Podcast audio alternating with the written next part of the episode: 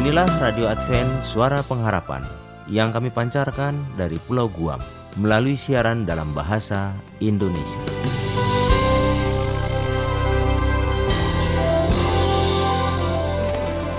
Salam sejahtera kepada saudara pendengar di mana pun Anda berada. Selamat berjumpa kembali dengan kami, Radio Advent Suara Pengharapan. Dengan senang hati kami akan menemani Anda dan keluarga dengan rangkaian acara yang telah kami persiapkan bagi Anda sekeluarga. Harapan kami, kiranya siaran ini dapat bermanfaat dan menjadi berkat bagi kita semua. Selamat mengikuti dan selamat mendengarkan. Tuhan memberkati.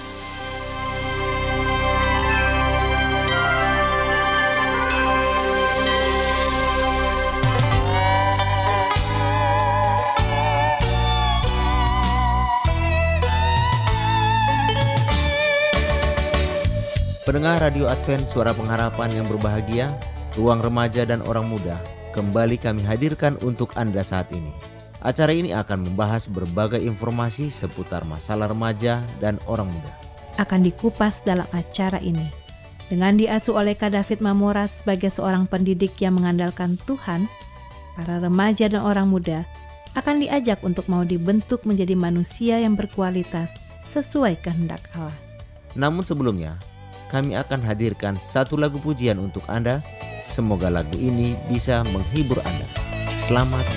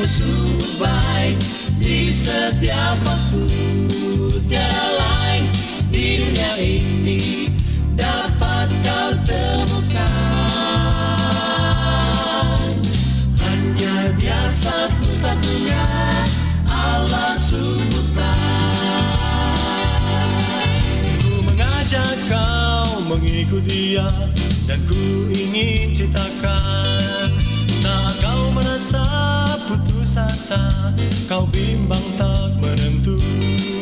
Walaupun badai menerpamu dia tak pernah tinggalkan. Janjinya pada kita sebab dia baik. Tiap waktu. Allah baik sungguh baik di setiap waktu. Allah baik, sungguh baik di setiap waktu. Tiada lain di dunia ini dapat kau temukan. Hanya dia satu-satunya Allah sungguh baik. Oh, dia memanggilmu di tengah malam saat kau sedang bersedih. Dia selalu besertamu. Makananmu dicukupkan, dia akan dengar doamu. Dia pimpin kau sekarang dan nanti sebab dia baik Tiap waktu. Allah baik, sungguh baik di setiap waktu Allah baik, oh sungguh baik di setiap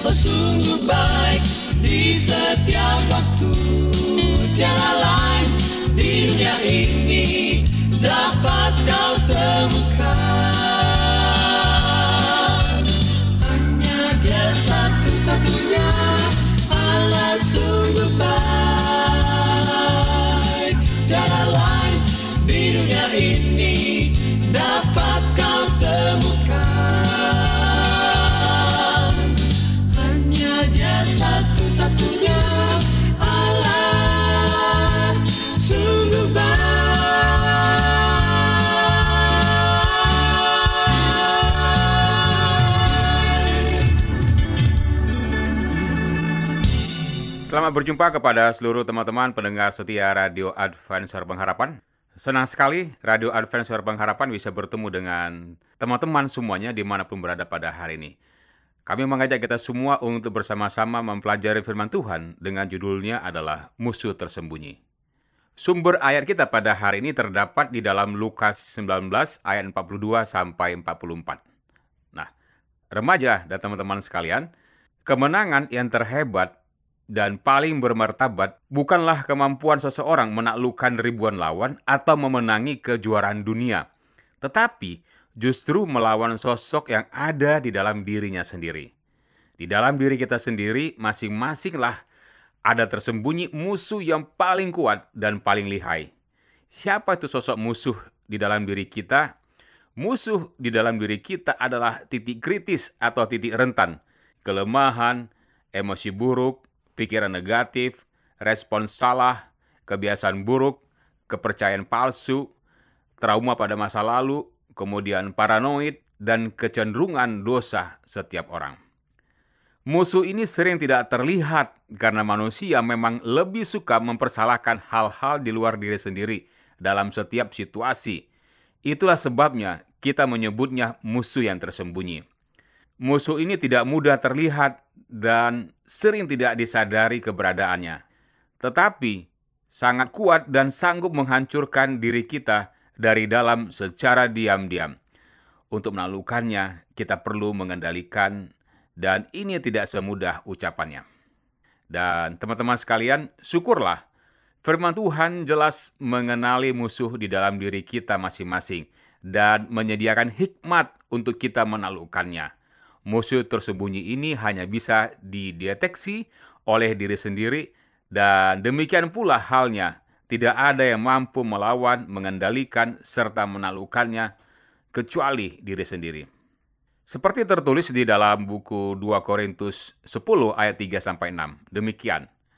Memang kami masih hidup di dunia, tetapi kami tidak berjuang secara duniawi. Karena senjata kami dalam perjuangan bukanlah senjata duniawi, melainkan senjata yang diperlengkapi dengan kuasa Allah yang sanggup untuk meruntuhkan benteng-benteng.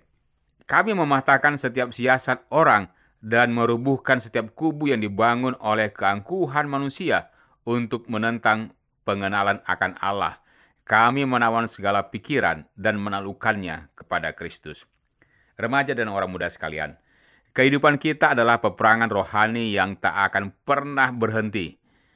Yang di dalamnya kita secara khusus memerangi musuh yang ada di dalam diri kita sendiri. Dalam peperangan rohani ini, Allah telah memilihkan perlengkapan senjata yang terjamin ampuh bagi kita seperti yang tertulis di dalam firman-Nya tadi, mari kita berhenti sejenak dan memandang diri kita dengan cermin yang terdapat di dalam Efesus 6 ayat 10 sampai 18. Untuk melihat apakah kita telah diperlengkapi dengan baik dengan seluruh perlengkapan senjata Allah. Supaya dapat menang terhadap musuh tersembunyi yang ada di dalam diri kita, kita tidak bisa berperang dengan senjata duniawi, tetapi harus dengan senjata yang diperlengkapi dengan kuasa Allah yang sanggup untuk meruntuhkan benteng-benteng. Remaja dan orang muda sekalian, kita perlu diselamatkan untuk kita bisa menang dalam peperangan ini. Mengikuti Tuhan bukan sekedar komitmen yang diambil atau diucapkan satu kali saja, tetapi cara hidup yang harus dilakukan tanpa berhenti seumur hidup terus-menerus. Mengikuti Yesus terus-menerus akan mengalihkan kita dari cara hidup yang mengikuti desakan ego yang menjadi musuh tersembunyi kita. Remaja dan orang muda sekalian, marilah kita lakukan hal ini senantiasa di dalam kehidupan kita, maka kita akan menjadi orang-orang yang menang atas musuh yang tersembunyi. Dan di dalam Roma 8 ayat 37, menjamin kemenangan ini yang telah tersedia oleh kasih Allah bagi kita. Tetapi dalam semuanya itu kita lebih daripada orang-orang yang menang oleh Dia yang telah mengasihi kita. Demikian pelajaran kita pada hari ini. Terima kasih.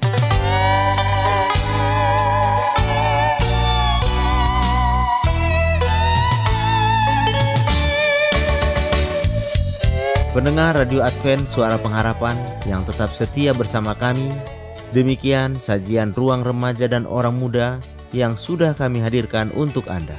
Kiranya bermanfaat untuk menolong generasi muda menjadi pribadi yang berkualitas sesuai kehendak Allah. Sampai jumpa dalam acara Ruang Remaja dan Orang Muda minggu depan. Tuhan memberkati kita semua.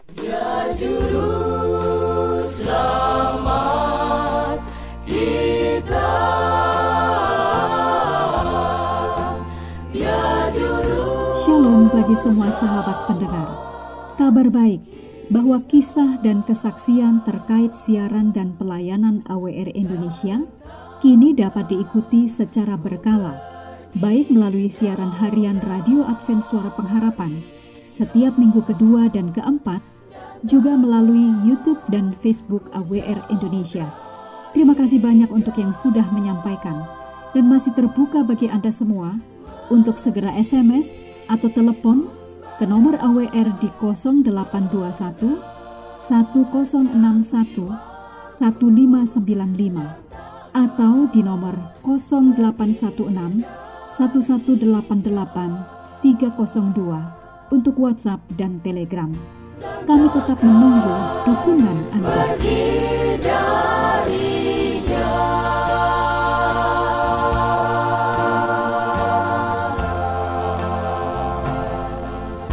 Selanjutnya marilah kita mengikuti mimbar suara pengharapan.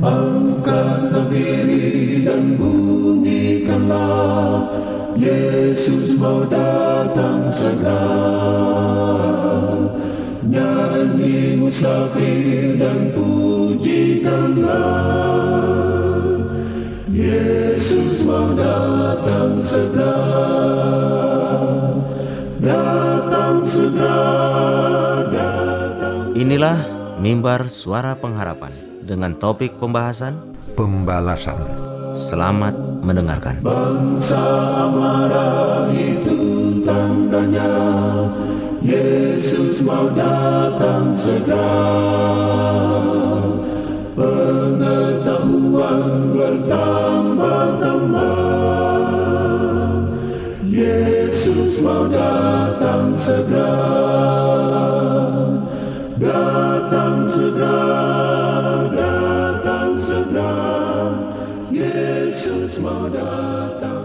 Salam saudaraku yang diberkati Tuhan, kita patut bersyukur pada saat ini diberikan kesempatan untuk mendengarkan firman Tuhan dalam acara Mimbar Suara Pengharapan bersama saya dengan Pendeta Togar Simanjuntak. Dengan judul pembahasan kita, pembalasan. Saudara, mari kita buka firman Tuhan dari Ibrani pasal 10 ayat 30. Firman Tuhan berbicara, Sebab kita mengenal dia yang berkata, pembalasan adalah hakku, aku yang akan menuntut pembalasan.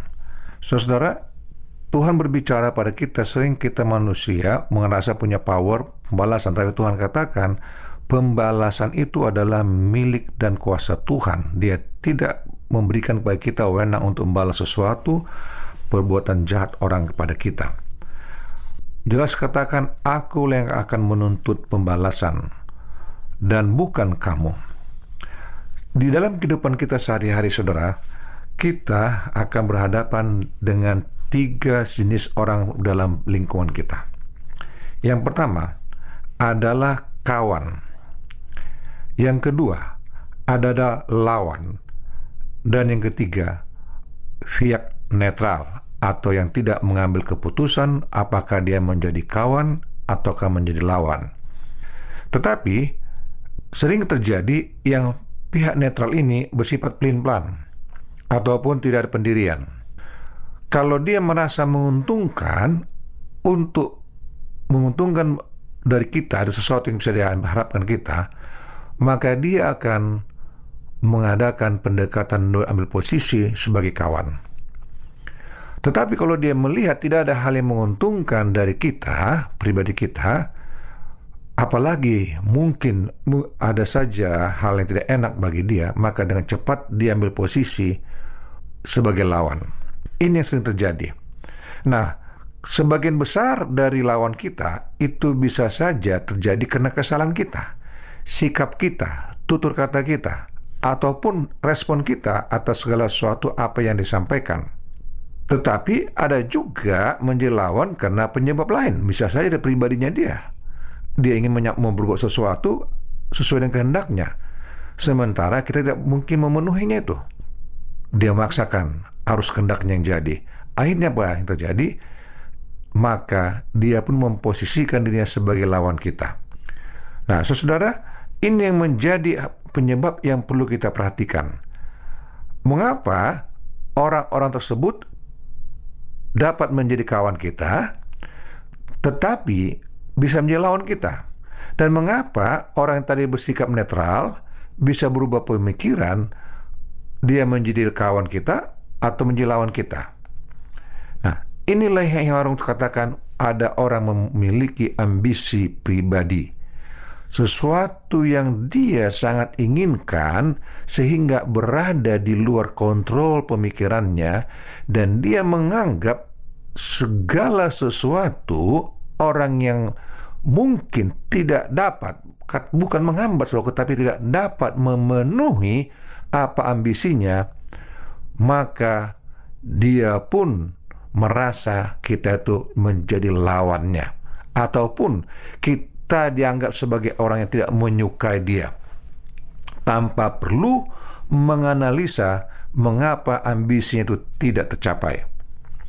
Kadangkala bisa juga kebetulan dia memiliki masalah trauma psikologis yang tertentu yang bersinggungan dengan kita atau menyentuh pribadi kita seolah-olah kita lah salah satu penyebab mengapa dia mengalami trauma psikologis di dalam kehidupannya.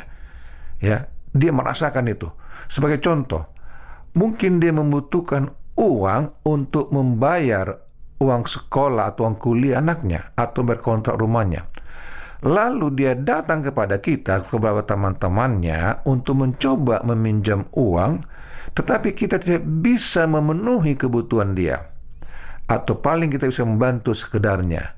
Lalu karena kita tidak bisa memberikan pemenuhan atas keinginan dia, kebutuhan dia, maka akhirnya dia gagal mungkin untuk mengkuliahkan anaknya dan dia merasa trauma dan secara pribadi menjadi lawan kita, jengkel sama kita. Nah, dan dia mudah mengadakan rencana pembalasan. Daud pernah mengalami hal yang serupa. Raja Saul membenci dan memburunya karena Saul merasa terancam oleh kesuksesan Daud dalam mengerjakan tugasnya sebagai kepala prajurit Saul. Sungguh ironis. Berkali-kali Daud berusaha berdamai dengan Saul, tetapi sia-sia. Saudaraku, kalaupun kita bisa mengerti kalau Daud ingin membalas dan menghancurkan Saul untuk mengubah keadaan, tetapi Alkitab mengatakan bagaimana Daud menghadapi Saul dengan luar biasa. Ia menyerahkan nasib Saul maupun dirinya kepada Tuhan. Dan dia menyerahkan segala pembalasan atas perbuatan jahat Saul itu kepada Tuhan. Dia tidak pernah mau merencanakan itu, walaupun itu ada kesempatan berkali-kali. Terutama saat Saul tertidur dalam gua, di mana Daud segera memotong jubahnya menunjukkan bahwa bisa saja Daud membunuh Saul saat tersebut. Tapi Daud tidak mau mengambil alih akan haknya Tuhan ia mengadakan pembalasan atas perbuatan kejahatan kita. Ia berserah kepada Allah tentang nasib Saul maupun dirinya. Dia berserah bagi Allah bagaimana dan hidup Saul maupun hidup dia. Dia serah bagi, serahkan kepada Tuhan bagaimana supaya dia bisa berdamai pada Saul dan dia bagaimana akan tindakan Allah pada Saul. Nah, saudara, ini yang harus kita perhatikan. Jangan pernah sekalipun Anda merencanakan pembalasan atas perbuatan jahat orang lain pada diri Anda. Sikap Daud ini perlu kita tiru, kita teladani. Bagaimana dia yang sangat dibenci, bahkan siap selalu dibunuh oleh Saul, tetapi dia tidak pernah berencana untuk melakukan pembalasan. Dia tetap mempertahankan dirinya sebagai anak Tuhan yang menyerahkan diri sekali kepada Tuhan. Dia mempertahankan diri bahwa itu adalah bukan miliknya, bukan wewenang dia untuk mengadakan balasan. Dia tahu bahwa Tuhanlah punya hak. Nah, saudaraku jangan lupa, apabila Anda disakitin orang, rasa sakit jangan pernah ada dendam ataupun rencana balasan. Serahkan kepada Tuhan, maka hati Anda akan menjadi damai, tenang, dan penuh sukacita. Dan saat ini saudaraku jika Anda mau didoakan ataupun ada hal-hal yang mau tanyakan, hubungi kami bagian pelayanan mimbar suara pengharapan. Dengan penuh sukacita, kami akan selalu melayani Anda dan berdoa untuk Anda. Berkat Tuhan menyertai Anda adalah doa dan harapan kami. Salam saudaraku, Tuhan berkati. Amin.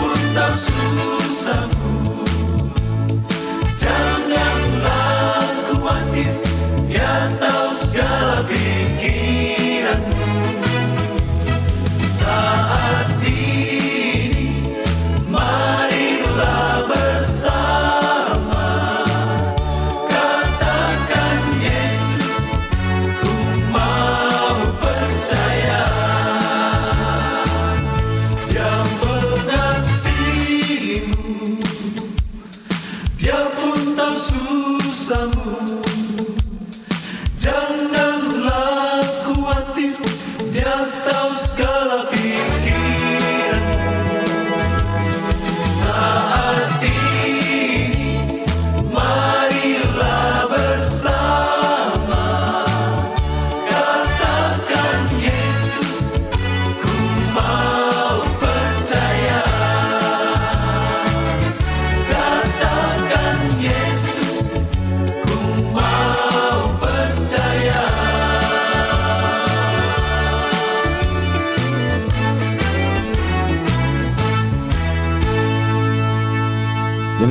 rangkaian acara yang dapat kami persembahkan hari ini. Dan apabila Anda mempunyai pertanyaan atau ingin mendapat pelajaran Alkitab penemuan baru, silahkan menghubungi kami, mengirimkan surat ke alamat Radio Advent Suara Pengharapan. PO Box 8090 Jakarta 12810 Indonesia. Anda juga dapat menghubungi kami melalui telepon atau SMS di nomor 0821 1061 1595 atau Anda dapat menulis di email kami awrindonesia@yahoo.co.id. Anda juga dapat bergabung di Facebook kami, pendengar Radio Advent Suara Pengharapan. Terima kasih kami ucapkan bagi Anda semua pendengar kami yang setia. Kita akan berjumpa kembali pada waktu dan gelombang yang sama esok hari. Salam kasih dan sejahtera. Kiranya Tuhan memberkati kita semua.